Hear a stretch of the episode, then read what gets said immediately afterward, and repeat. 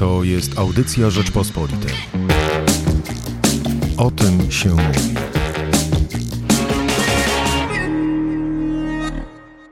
Dziś przyjrzymy się pomysłowi wprowadzenia bezwarunkowego dochodu podstawowego, albo inaczej mówiąc, dochodu gwarantowanego. W skrócie chodzi o to, że każdy Polak dostałby na rękę pieniądze. Na przykład, jak e, proponuje Polski Instytut Ekonomiczny, byłoby to 1200 zł dla dorosłego Polaka albo 600 zł e, dla e, dziecka. Niezależnie od dochodów, niezależnie od wieku, niezależnie od tego, czy pracuje, czy nie pracuje, każdy dostałby dokładnie takie samo, same pieniądze. Czy to jest nowy, rewolucyjny pomysł na państwo opiekuńcze? Nad tym zastanawia się na przykład Polski Instytut Ekonomiczny w swoim najnowszym raporcie Dochód pod podstawowy nowy pomysł na państwo opiekuńcze. O tym porozmawiamy dzisiaj najpierw ze współautorką tego raportu z Polskiego Instytutu Ekonomicznego, która nam zarysuje, na czym ten pomysł polega, a później podebatujemy nad tym w znakomitym naszym gronie redakcyjnym. Michał Płociński, zapraszam. Ze mną, tak jak mówiłem już, dr Paula Kukołowicz, analityczka Polskiego Instytutu Ekonomicznego. Dzień dobry. Dzień dobry panu. Dlaczego akurat teraz Polski Instytut Ekonomiczny zaczął się przyglądać dochodowi podstawowemu i nawet stworzył raport na ten temat? Pomysł pojawił się już dawno. W tym momencie jedynie wyszła publikacja, natomiast e, w pewnym sensie na początku pandemii staraliśmy się włączyć w dyskusję, która trwa na całym świecie, czyli e, to był mniej więcej marzec. W tym momencie pojawiały się różne głosy w różnych państwach Europy na temat tego, czy zagwarantowanie takiego świadczenia tak naprawdę zmieniłoby sytuację e, obywateli, czy nie. Wiele państw zdecydowało się na to, aby wtedy zapewniać swoim obywatelom takie, taką formę wsparcia w postaci dochodu. Między innymi Stany Zjednoczone, w Stanach Zjednoczonych e, rząd zdecydował się na to, żeby, że tak powiem, chronić, e, zachować popyt obywateli poprzez instrument e, dawania osobom, obywatelom pieniędzy, więc było to rozwiązanie, które było debatowane na całym świecie i My staraliśmy się temu przyjrzeć i to już była decyzja tak naprawdę z marca, natomiast w związku z tym, że przeprowadziliśmy badanie dotyczące opinii Polaków na temat dochodu podstawowego, Poprosimy, poprosiliśmy również o opinię ekspertów, zarówno y, osoby, które są zwolennikami tego rozwiązania, jak i osoby, które są przeciwnikami tego rozwiązania, czyli staraliśmy się doprowadzić do takiego, do tego, aby nasza publikacja była takim wyważonym głosem, który zestawia zarówno te y, pozytywne strony, jak i negatywne tego rozwiązania, więc e, pomysł ten ze względu na to, że ten cykl publikacyjny i cykl wydawniczy trwa tyle czasu, ten pomysł dopiero teraz się zrealizował, natomiast jest to pomysł czasu początku pandemii i staraliśmy się, tak naprawdę to nie nasza publikacja wywołuje tak dużą debatę, natomiast my staraliśmy się raczej w tą debatę włączyć,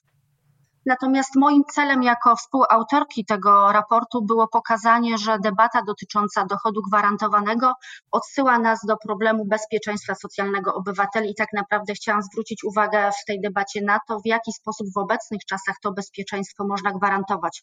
Dlatego, że o dochodzie gwarantowanym mówi się w kontekście właśnie coraz mniejszej efektywności obecnie działających rozwiązań rozwiązań opartych, e, dodajmy, na rodzinie i na stabilnym rynku pracy, prawda? Tak, to były te, te rozwiązania, te mechanizmy, które e, powiedzmy przez ostatnie 200 lat działały. One nadal działają w tym sensie, że nadal żyjemy w rodzinie, chociaż nie wszyscy i coraz mniej z nas żyje w takiej rodzinie, w której te więzi międzypokoleniowe są silne. To znaczy niekoniecznie, nie wszyscy Coraz rzadziej możemy liczyć na to, że w sytuacji niezdolności do pracy w wieku emerytalnym e, to dzieci czy wnuki nam pomogą, więc e, pojawiają się tutaj luki z dostępem do bezpieczeństwa socjalnego.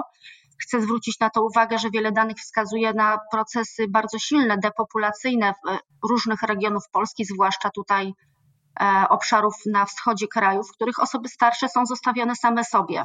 Częstokroć oczywiście to jest taki statystyczny obraz.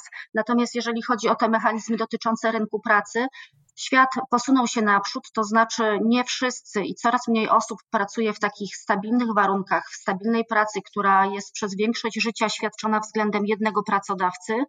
Nie wszyscy, nie wszyscy odprowadzają składki albo nie, wszyscy odprowadzają w wystarczającym zakresie składki na ubezpieczenie społeczne, tak aby w sytuacji, kiedy zajdą różnego rodzaju E, powiedzmy takie ryzyka socjalne, jak na przykład niezdolność do pracy z powodu wieku, utrata pracy czy choroba, nie wszyscy uzyskują świadczenia, które pozwolą przetrwać, pozwolą e, poczynić inwestycje w powiedzmy własne kwalifikacje i uzyskać nową, lepszą pracę. Tak więc te, sytuacja społeczna się zmieniła i ta debata do, dotycząca dochodu podstawowego tak naprawdę zadaje pytanie, w jaki sposób teraz można zapewnić bezpieczeństwo socjalne. Dochód podstawowy jest tutaj proponowany jako takie rozwiązanie rewolucyjne, chociaż różnych pomysłów jest wiele i nie wszyscy, niektórzy uważają, że takie rozwiązanie mogłoby w ogóle zastąpić politykę socjalną państwa w tym sensie, że, że świadczenia, które państwo w tym momencie wypłaca, czyli to by było rozwiązanie, które zastępuje innego rodzaju świadczenia. Natomiast inni uznają, że to jest rozwiązanie, które miałoby te obecne świadczenia jedynie uzupełnić. Pani doktor, bardzo dziękuję za krótkie zarysowanie problemu Paula Kukułowicz, analityczka Polskiego Instytutu Ekonomicznego. Dziękuję również. A teraz czas na debatę. Ze mną Krzysztof Adam Kowalczyk, szef działu ekonomicznego Rzeczpospolitej. Dzień dobry. Dzień dobry Państwu. I Zuzanna Dąbrowska, dział krajowy Rzeczpospolitej. Dzień dobry. Dzień dobry. Krzysztof, no kolejny raz powraca mm, pomysł dochodu gwarantowanego. Po raz pierwszy tak mocno o nim się debatowało po kryzysie finansowym 2007 e, roku. Pamiętam, 2008-2009, e, wtedy pojawiały się pierwsze pomysły, żeby wreszcie gdzieś to sprawdzić i długo nie sprawdzano. Czy dochód gwarantowany to jest pomysł czasów kryzysu, pomysł kryzysowy? Owszem, to jest pomysł kryzysowy, ale to nie jest pomysł taki e, nowy. Niektórzy dopatrują się e, praźródeł e, dochodu gwarantowanego u Tomasa Sir Thomasa Mora w Utopii. Były różne pomysły rozpatrywane w XIX wieku, w XX wieku, w latach 60., 70. w Stanach Zjednoczonych nawet e, próbowano eksperymentować z dochodem gwarantowanym, a raczej czymś, co, e, co go e, miało zastąpić. Było parę takich prób. Był to ujemny podatek dochodowy. Znaczy? No po prostu e, państwo e, zwracało więcej, znaczy zwracało więcej e, niż wpłaciło się podatku dochodowego. Oczywiście to były próby i na niezbyt szerokiej, szerokiej grupie przeprowadzone i je zarzucono. No, w, później przyszedł kryzys lat 70., e, później pojawiła się reganomika i tego typu pomysły kompletnie odeszły w przeszłość, ale muszę powiedzieć, że coś w rodzaju dochodu gwarantowanego było ćwiczone w Polsce. Otóż e, we wrześniu 1981 roku, e, tuż przed stanem wojennym, wprowadzono rekompensaty, które miały rekompensować wzrost cen regulowanych. Wtedy były absolutnie kontrolowane przez państwo, e, wzrost cen podstawowych e, towarów e, potrzebnych do życia. Później te rekompensaty nabrały znaczenia w 1982 roku, jak wprowadzono no, tak zwany pierwszy etap reformy gospodarczej, czyli tak naprawdę podwyżki cen na otarcie łez dano ludziom rekompensaty, pracownikom, a także na ich dzieci. To, co z biegiem czasu miało coraz mniejsze znaczenie. E, ale tak naprawdę to nie był taki uniwersalny dochód podstawowy, bo nie wszystkim porówno dawano. Dawano mniej więcej proporcjonalnie do tego, co się miało na kartce, e, na mięso i inne e, towary reglamentowane. Nie? Im więcej miało się na kartce, tym zakładali, że większa rekompensata się należy. I różne tego typu rzeczy są ćwiczone na świecie, także podobne, także w Iranie, gdzie zastąpiono w 2010 roku e, e, subsydia do, do paliwa, do energii, takimi rekompensatami dla, dla obywateli, ale taki, taki dochód e, gwarantowany quasi dochód gwarantowany, e, to no, u nas się pojawił e, wraz z rządami PiSu. Najpierw na drugiej więcej dzieci, a później na każde, na każde dziecko do 18 roku. To jest pewna forma dochodu gwarantowanego. A ty, Zuzanna, uznałabyś program 500 Plus za pewną formę dochodu gwarantowanego? Nie, bo dochód gwarantowany minimalny jako narzędzie ekonomiczno-społeczne musi być powszechny. Więc 500 Plus jest owszem programem socjalnym, miał być pronatalistyczny, co oczywiście nie wyszło, ale nie jest y, powszechny. Dotyczy tylko, tylko tych rodzin, które mają dzieci. Najpierw, y, tak jak Krzysztof powiedział, y, dwa i, i więcej, potem go rozszerzono, ale y, nie ma to z minimalnym dochodem gwarantowanym właściwie nic wspólnego. Bo tutaj głównie chyba chodzi o to, pytałeś... A jak ty widzisz, ja, jak widzisz właśnie dochód gwarantowany? Czy to miałby być e, obok e, polityki socjalnej, obok innych zabezpieczeń społecznych, czy to miałoby być zamiast nich? Czyli likwidujemy wszelkie zabezpieczenia społeczne, każdemu dajemy, tak jak na przykład Polski Instytut Ekonomiczny proponuje 1200 na rękę i już w żaden inny sposób obywateli nie wspomagamy. E, z definicji, jeżeli e, opieramy wyliczenie minimalnego dochodu gwarantowanego na e, minimum socjalnym, no bo chyba nie na tym minimum przeżycia, nie miałoby to sensu, ale na minimum socjalnym albo na pewnym, pewnej części. W Unii Europejskiej proponuje się teraz, żeby to było 60% mediany zarobków, no to wtedy pomoc socjalna jest niepotrzebna, ponieważ tych zasiłków zwyczajnie nie trzeba wypłacać. To oczywiście mogłoby być bardzo opłacalne, likwiduje bardzo duży aparat biurokratyczny, a jednocześnie zrównuje e, wszystkie osoby, bo jak powiedziałam, musi być to powszechne, nikt się nie czuje e, upokorzony. Jak się okazało, przy 500 plus i to jest jedyna analogia.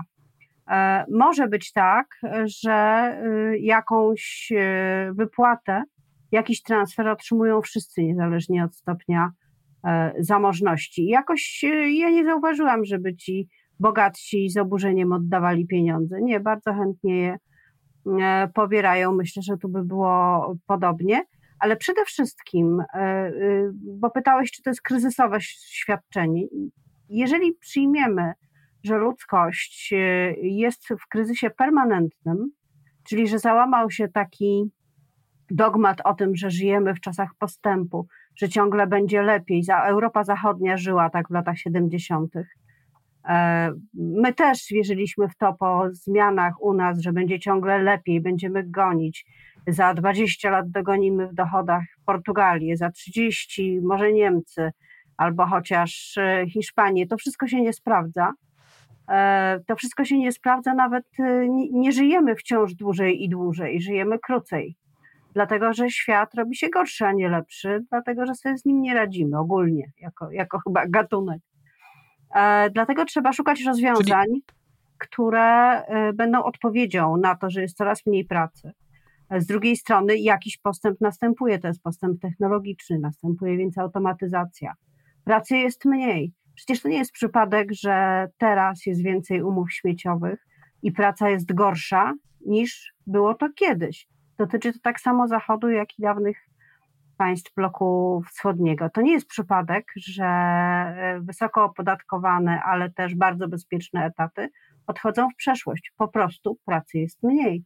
Dlatego, dlatego właściciele no, na pewno musimy być... mogą sobie na to pozwolić. Tak. Na pewno musimy być bardziej elastyczni na rynku pracy.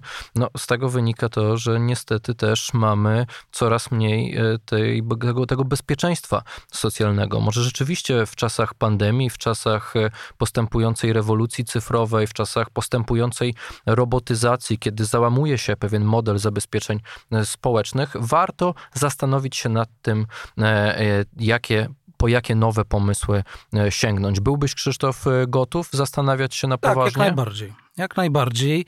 Ja uważam, że zamiast rozdawać wszystkim porówno, e, co, czego się nie da sfinansować, ale o tym zaraz, lepiej i podzielić się dochodami, lepiej się podzielić pracą. Ja sobie wyobrażam, że z biegiem lat ten tydzień pracy będzie coraz krótszy Nie? Im bardziej będzie ten postęp technologiczny postępował i będą zastępowane mm, różne, y, różne czynności, różne zawody y, nowymi technologiami, y, tydzień pracy będzie coraz krótszy, będziemy mieli coraz więcej czasu i będzie coraz więcej miejsc pracy z, dla skierowanych na zagospodarowanie tego wolnego czasu. No mamy takie rzeczy, które uważamy za oczywiste. Netflix, e, e, Spotify i tak dalej. Tych rzeczy kiedyś nie byłoby, nawet gdyby technologia na to pozwalała, ponieważ ludzie nie mieliby czasu korzystać z tych rozrywek, gdyby pracowali, dajmy na to, 6 dni w tygodniu po 12 godzin, jak to było w XIX wieku, czy gdzieś tam na początku XX. Im więcej, im bardziej sprawne stają się gospodarki, i mniej siły fizycznej, a, a bardziej intelektu, intelektualnej wkładamy w tę gospodarkę, tym bardziej ona jest efektywna i wyobrażam sobie, że e, państwo byłoby e, skłonne płacić za różne funkcje społeczne spełniane, e, których w tej chwili no jakby jest, byłby popyt, tylko że nie ma pieniędzy na finansowanie tego. E, lepiej dać pieniądze za e, pomoc starszym osobom, wyprowadzenie psa, za, za wspólne oglądanie filmu, za opiekowanie się kimś, niż dawać komuś pieniądze absolutnie za nic, za to, że istnieje. To oczywiście tylko przykład.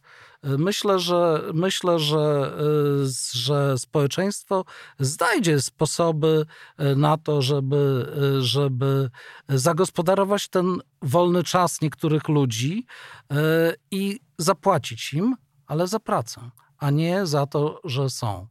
W moim, zda, moim e, mniemaniu ten uniwersa, uniwersalny dochód podstawowy to jest e, ślepa uliczka, która będzie zniechęcać do pracy, co nawet wynika z badań, e, z badań Polskiego Instytutu E, ekonomicznego. No, gdzie 73% pytanie, Polaków mówi, że dalej będzie pracować, jak dostanie to, to znaczy, że 27% porzuciłoby robotę. Zupełnie by się nie przejmowało pracą, obniżyłoby swoje oczekiwania, swoje potrzeby e, finansowe, zredukowało do poziomu wypłaty i by tak sobie wegetowało. Ja e, oczywiście pojedyncze przy, przy przykłady nie mają być może wielkiego zastosowania, ale takich trzech dżentelmenów, którzy e, korzystali e, z takiego uniwersalnego dochodu podstawowego, a to w postaci renty, a to wcześniejsze emerytury, a to wypłat z opieki socjalnej, miałem przy swojej ulicy. Byli to stosunkowo młodzi ludzie, jeden powyżej czterdziestki, inni pięćdziesiąt, niespełna sześćdziesiąt lat i jak się sprowadziłem, nawet mili goście, tylko nie musieli pracować. Nie musieli pracować, zajęli, wypełnili swój czas e, no, spożywaniem alkoholu, e, ograniczyli swoje, swoje potrzeby. Żaden już z nich nie żyje. No tak, Zuzanna, czy bezwarunkowy dochód podstawowy nas zdegeneruje? Czy nie lepiej no, właśnie podzielić się pracą? Oczywiście, że nie, nie zdegeneruje i nie o to chodzi, żeby płacić komuś za to, że jest. Chodzi y, o to, żeby płacić y, za możliwość wyboru. No nie chodzi o to, że ktoś pójdzie i będzie pił tanie wino, bo y, on i tak będzie pił tanie wino. Czy jest odsetek osób w społeczeństwie, które się nie socjalizują albo nie chcą pracować? On jest mniej więcej stały I, I tyle. I tak e, zawsze będzie. I pytanie, czy chcemy oglądać e, te osoby, jak umierają pod płotem, czy chcemy im dać pieniądze na to, żeby przeżyły swoje życie tak, jak, tak jak chcą. A wybór dotyczy tego, kiedy dotyczy takich sytuacji, kiedy stajemy przed bardzo dramatycznymi różnymi wyborami, na przykład koniecznością porzucenia pracy ze względu na opiekę nad dzieckiem niepełnosprawnym, nad osobą starszą w rodzinie. Bardzo często kobiety stają przed takim e, wyborem i muszą e, zębami i pazurami dobijać się jakikolwiek zasiłek. Widzieliśmy te, te zupełnie niesamowite sceny w Sejmie, jak bardzo są e, szanowane takie osoby, które, które mają niepełnosprawne dzieci albo niepełnosprawne dzieci, które są już dorosłe. To są sceny gorszące. Wolałabym, żeby istniało taki dochód, który, nie, który pozwoliłby na godne życie w takiej sytuacji, ale także w sytuacji, kiedy ktoś decyduje się na mniejszy dochód, rezygnuje na rok z pracy, ponieważ jest wypalony, ponieważ będzie się zajmować w ogródku swoim uprawą pietruszki przez rok, a potem wróci do wyższych dochodów. To nie jest tak i przecież ani, ani wy, ani pewnie nikt z osób, które nas słucha, dobrowolnie nie zostałyby na tym poziomie 1000 czy 1200 zł, czy nawet 1500 zł, mogąc pracować w sposób e, interesujący i satysfakcjonujący. Naprawdę wierzycie, że e, wszyscy by zrezygnowali z karier, z ciekawego życia, dlatego że dostają ten, ten, ten minimalny dochód? Nie, to jest sytuacja awaryjna, to jest możliwość wyboru drogi życiowej i możliwość ratunku w sytuacjach skrajnie trudnych. No, pandemia nas też powinna czegoś nauczyć. Co do, co do dzielenia się pracą, to no. oczywiście no. tak, tylko że niestety E, w tym świecie, z którym mamy do czynienia, dzielenie się pracą raczej wygląda tak, że jest coraz więcej tych śmieciówek i coraz więcej zwykłego, takiego nienormowanego e, wyzysku, szczególnie młodych osób, które właściwie już mogą zapomnieć o emeryturach, o zabezpieczeniu społecznym, bo one po prostu nie istnieją. Przepaść jest między dziadkami a wnukami teraz no. całej Unii Europejskiej. Może pomysł nie brzmi źle, ale Zuzanna, proste wyliczenie. 1200 zł dla dorosłego, 600 na dziecko, to daje 376 miliardów złotych rocznie, które musiałoby znaleźć państwo. No, to są olbrzymie liczby, w ogóle trudno sobie je wyobrazić. Zasiłek dla, policz zasiłek dla bezrobotnych, policz opiekę społeczną, policz zasiłki celowe, zasiłki rzeczowe, E, e, policz zasiłki dla osób niepełnosprawnych, dla opiekunów osób niepełnosprawnych, policz to wszystko. Zobaczymy, ile wyjdzie miliardów poza tym. Okej, okay. i e, wciąż mamy ułamek tej kwoty. Nie, nie, nie mamy ułamka tej kwoty. Poza tym, no tak. e, poza tym. Znaczy, to jest tak, że. Mhm. Ja tylko chcę sprostować, że e, nie wiem, czy 600 zł na dziecko to, to, ile to powinno wynosić, powinno być oparte nie o jakiś taki pomysł z kapelusza, że tak nam się wydaje, tylko o pewien ułamek e, płacy minimalnej bądź średniej. W zależności od tego, jak jest to ustalone i, na, jaki jest poziom życia w danym kraju, tak powinien być wyliczany minimalny dochód gwarantowany. Więc ja nie, jestem w stanie teraz powiedzieć, że to byłoby 1000 zł plus 600. Nie wiem. Może pomysł wydaje się rewolucyjny. Tutaj e, przejdę na drugą stronę, żeby wypytać e, Krzysztofa Adama Kowalczyka, e, ale no, świat się zmienia. Coraz większą część dochodu narodowego wypracowują, umownie mówiąc, roboty, sztuczna inteligencja i tak dalej. Czeka nas na pewno skokowy, tutaj skokowa zmiana, jeżeli, jeżeli chodzi o przejmowanie przez sztuczną inteligencję usług, o przejmowanie kolejnych zawodów, no nie wiem, nawet kierowców ciężarów ciężarówek, prawda, autonomiczne samochody i tak dalej. E, jednak dużo, dużo pieniędzy będzie do, do rozdysponowania, e, z które wy, będą zarabiać, e, wypracowywać tak naprawdę, umownie mówiąc, roboty. Czy właśnie roboty nie powinny trochę się podzielić z ludźmi, a nie tylko ze swoimi właścicielami? No roboty się nie podzielą. To muszą, musieliby się podzielić ich właściciele, e, firmy, które je e, wdrażają. Na pewno to nie jest taki etap w tej chwili, żeby opodatkowywać, e, nazwijmy to, pracę robotów, bo to by tylko przyhamowało e, robotyzację, zwiększanie efektywności gospodarki. Być może w przyszłości tak. No, no i jeżeli, być może w przyszłości w byśmy chwili... te 400 miliardów znaleźli. Nie wierzę w to. Nie wierzę w to. 400 miliardów to, drodzy Państwo, jest Porównajmy liczby. Cała opieka e, socjalna, wydatki socjalne kosztują, kosztowały w 2018 roku 343 miliardy złotych, e, przy czym to było 10% PKB polskiego, e, przy czym na emerytury szło 229 miliardów złotych, czyli tak półtora raza tyle, co idzie na emerytury, które kosztują coraz więcej, musiałoby pójść na ten dochód podstawowy. Y, na, y, I na system edukacji wydajemy nieco ponad 100 miliardów złotych rocznie. W 2018 roku to było 106 miliardów, a na system opieki zdrowotnej wydaliśmy wówczas 102 miliardy złotych. To są gigantyczne pieniądze. Ja nie ma takiej możliwości, żeby to ściągnąć. Krzysztof, to nie są dobre rachunki. Dlatego, no, że albo liczymy emerytów. No, nie są grupie, dobre, bo pokazują, że. Nie, one po mhm. prostu nie są właściwe.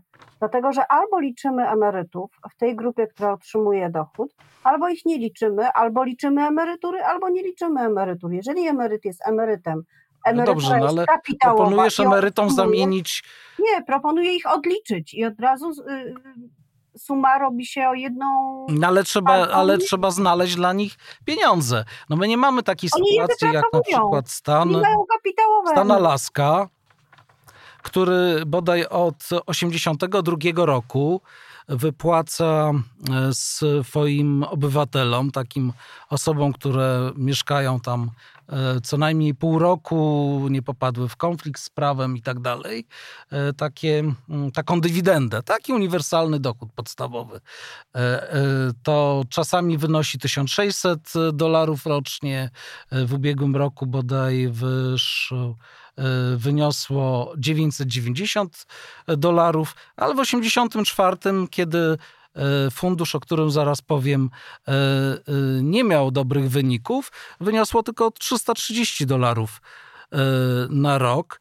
A skąd się ten fundusz bierze? On się bierze z dodatkowego opodatkowania zasobów surowcowych, czyli ropy która jest e, w dużej ilości na Alasce i e, w ten sposób sobie ten stan stworzył taki fundusz, z którego może opłacać, e, dopłacać ludziom za to, że żyją na Alasce, gdzie jest bardzo trudno. Wszyscy, wszystko jest dużo droższe niż w Stanach, w tych, w tych właściwych, Stanach Zjednoczonych.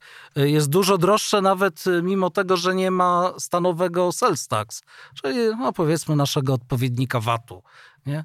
E, I no, żeby ludzie chcieli tam mieszkać mimo wszystko i pracować, no trzeba ich do tego przekonać i to tego służy. Ale oni znaleźli źródło finansowania, więc, e, więc najpierw szukajmy źródła finansowania, e, jeśli chcemy taki podstawowy dochód uniwersalny uruchamiać, a później zastanawiajmy się, jak te pieniądze podzielić. Bo ja na razie widzę szansę na to, żeby się podzielić pracą a nie dochodami z czegoś, e, czego nie ma w tej chwili. Myślisz, Zuzanna, że znajdziemy taki, e, takie źródło finansowania? Nie to nie, to, nie, to nie tak. To nie taka filozofia i nie taka logika. Po pierwsze, trzeba policzyć koszty tego, co jest teraz. Koszty opieki zdrowotnej, koszty całej opieki społecznej. E, jeszcze z tymi emeryturami to ważne jest to, że taki mechanizm wyklucza podwójne podwójne wypłaty, czyli, czyli emerytury ZUS-owskie. Y, mówisz, skąd weźmiemy pieniądze? No nie weźmiemy. To, to, to są kapitałowe emerytury, to, to są pieniądze, które są uskładane przez te osoby. To nie jest żadna łaska.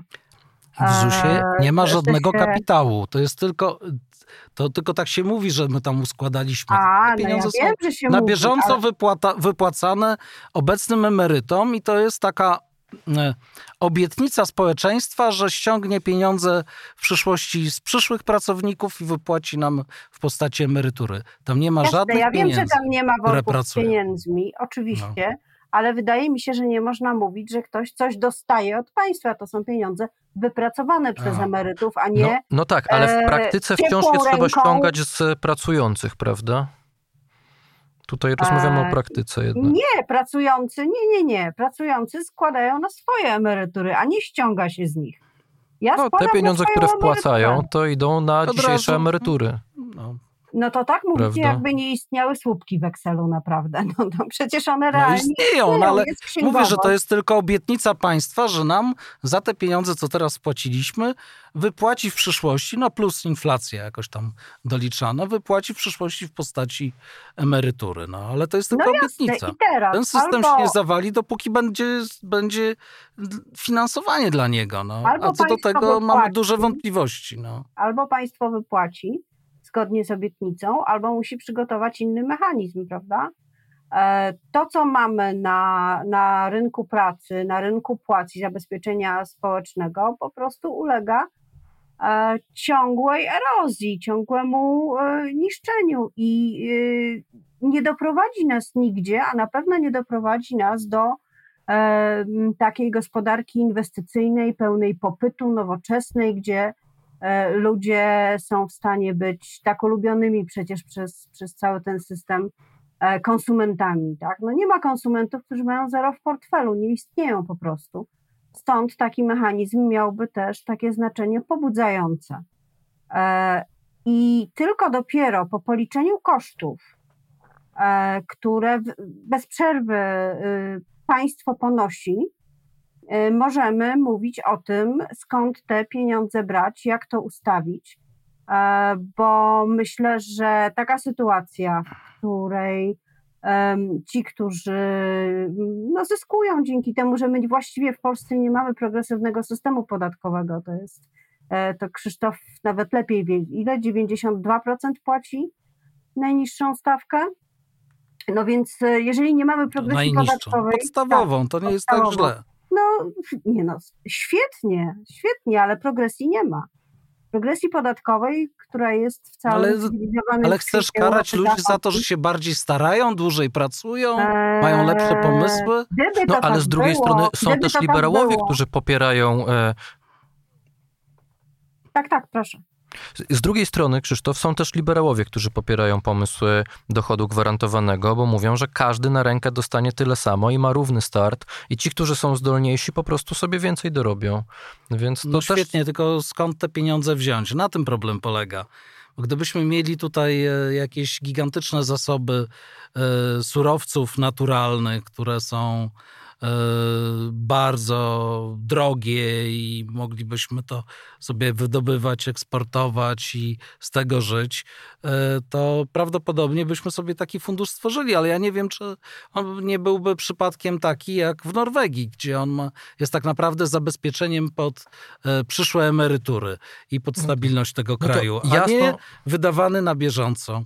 Jasno Mówiłeś- widzimy w takim razie, gdzie tu przebiega linia po- podziału. E, Z jednej strony skąd wziąć pieniądze, jakie źródła finansowania, z drugiej strony, że to wcale e, nie jest e, najważniejsze, a za to może to pobudzić na przykład popyt. Krzysztof Adam Kowalczyk, dziękuję. Dziękuję bardzo. Zuzanna Dąbrowska, dziękuję uprzejmie. Dziękuję. Ja nazywam się Michał Płociński i zapraszam także do słuchania innych podcastów Rzeczpospolitej. Słuchaj więcej na stronie podcasty.rp.pl. Szukaj Rzeczpospolita Audycje w serwisach streamingowych.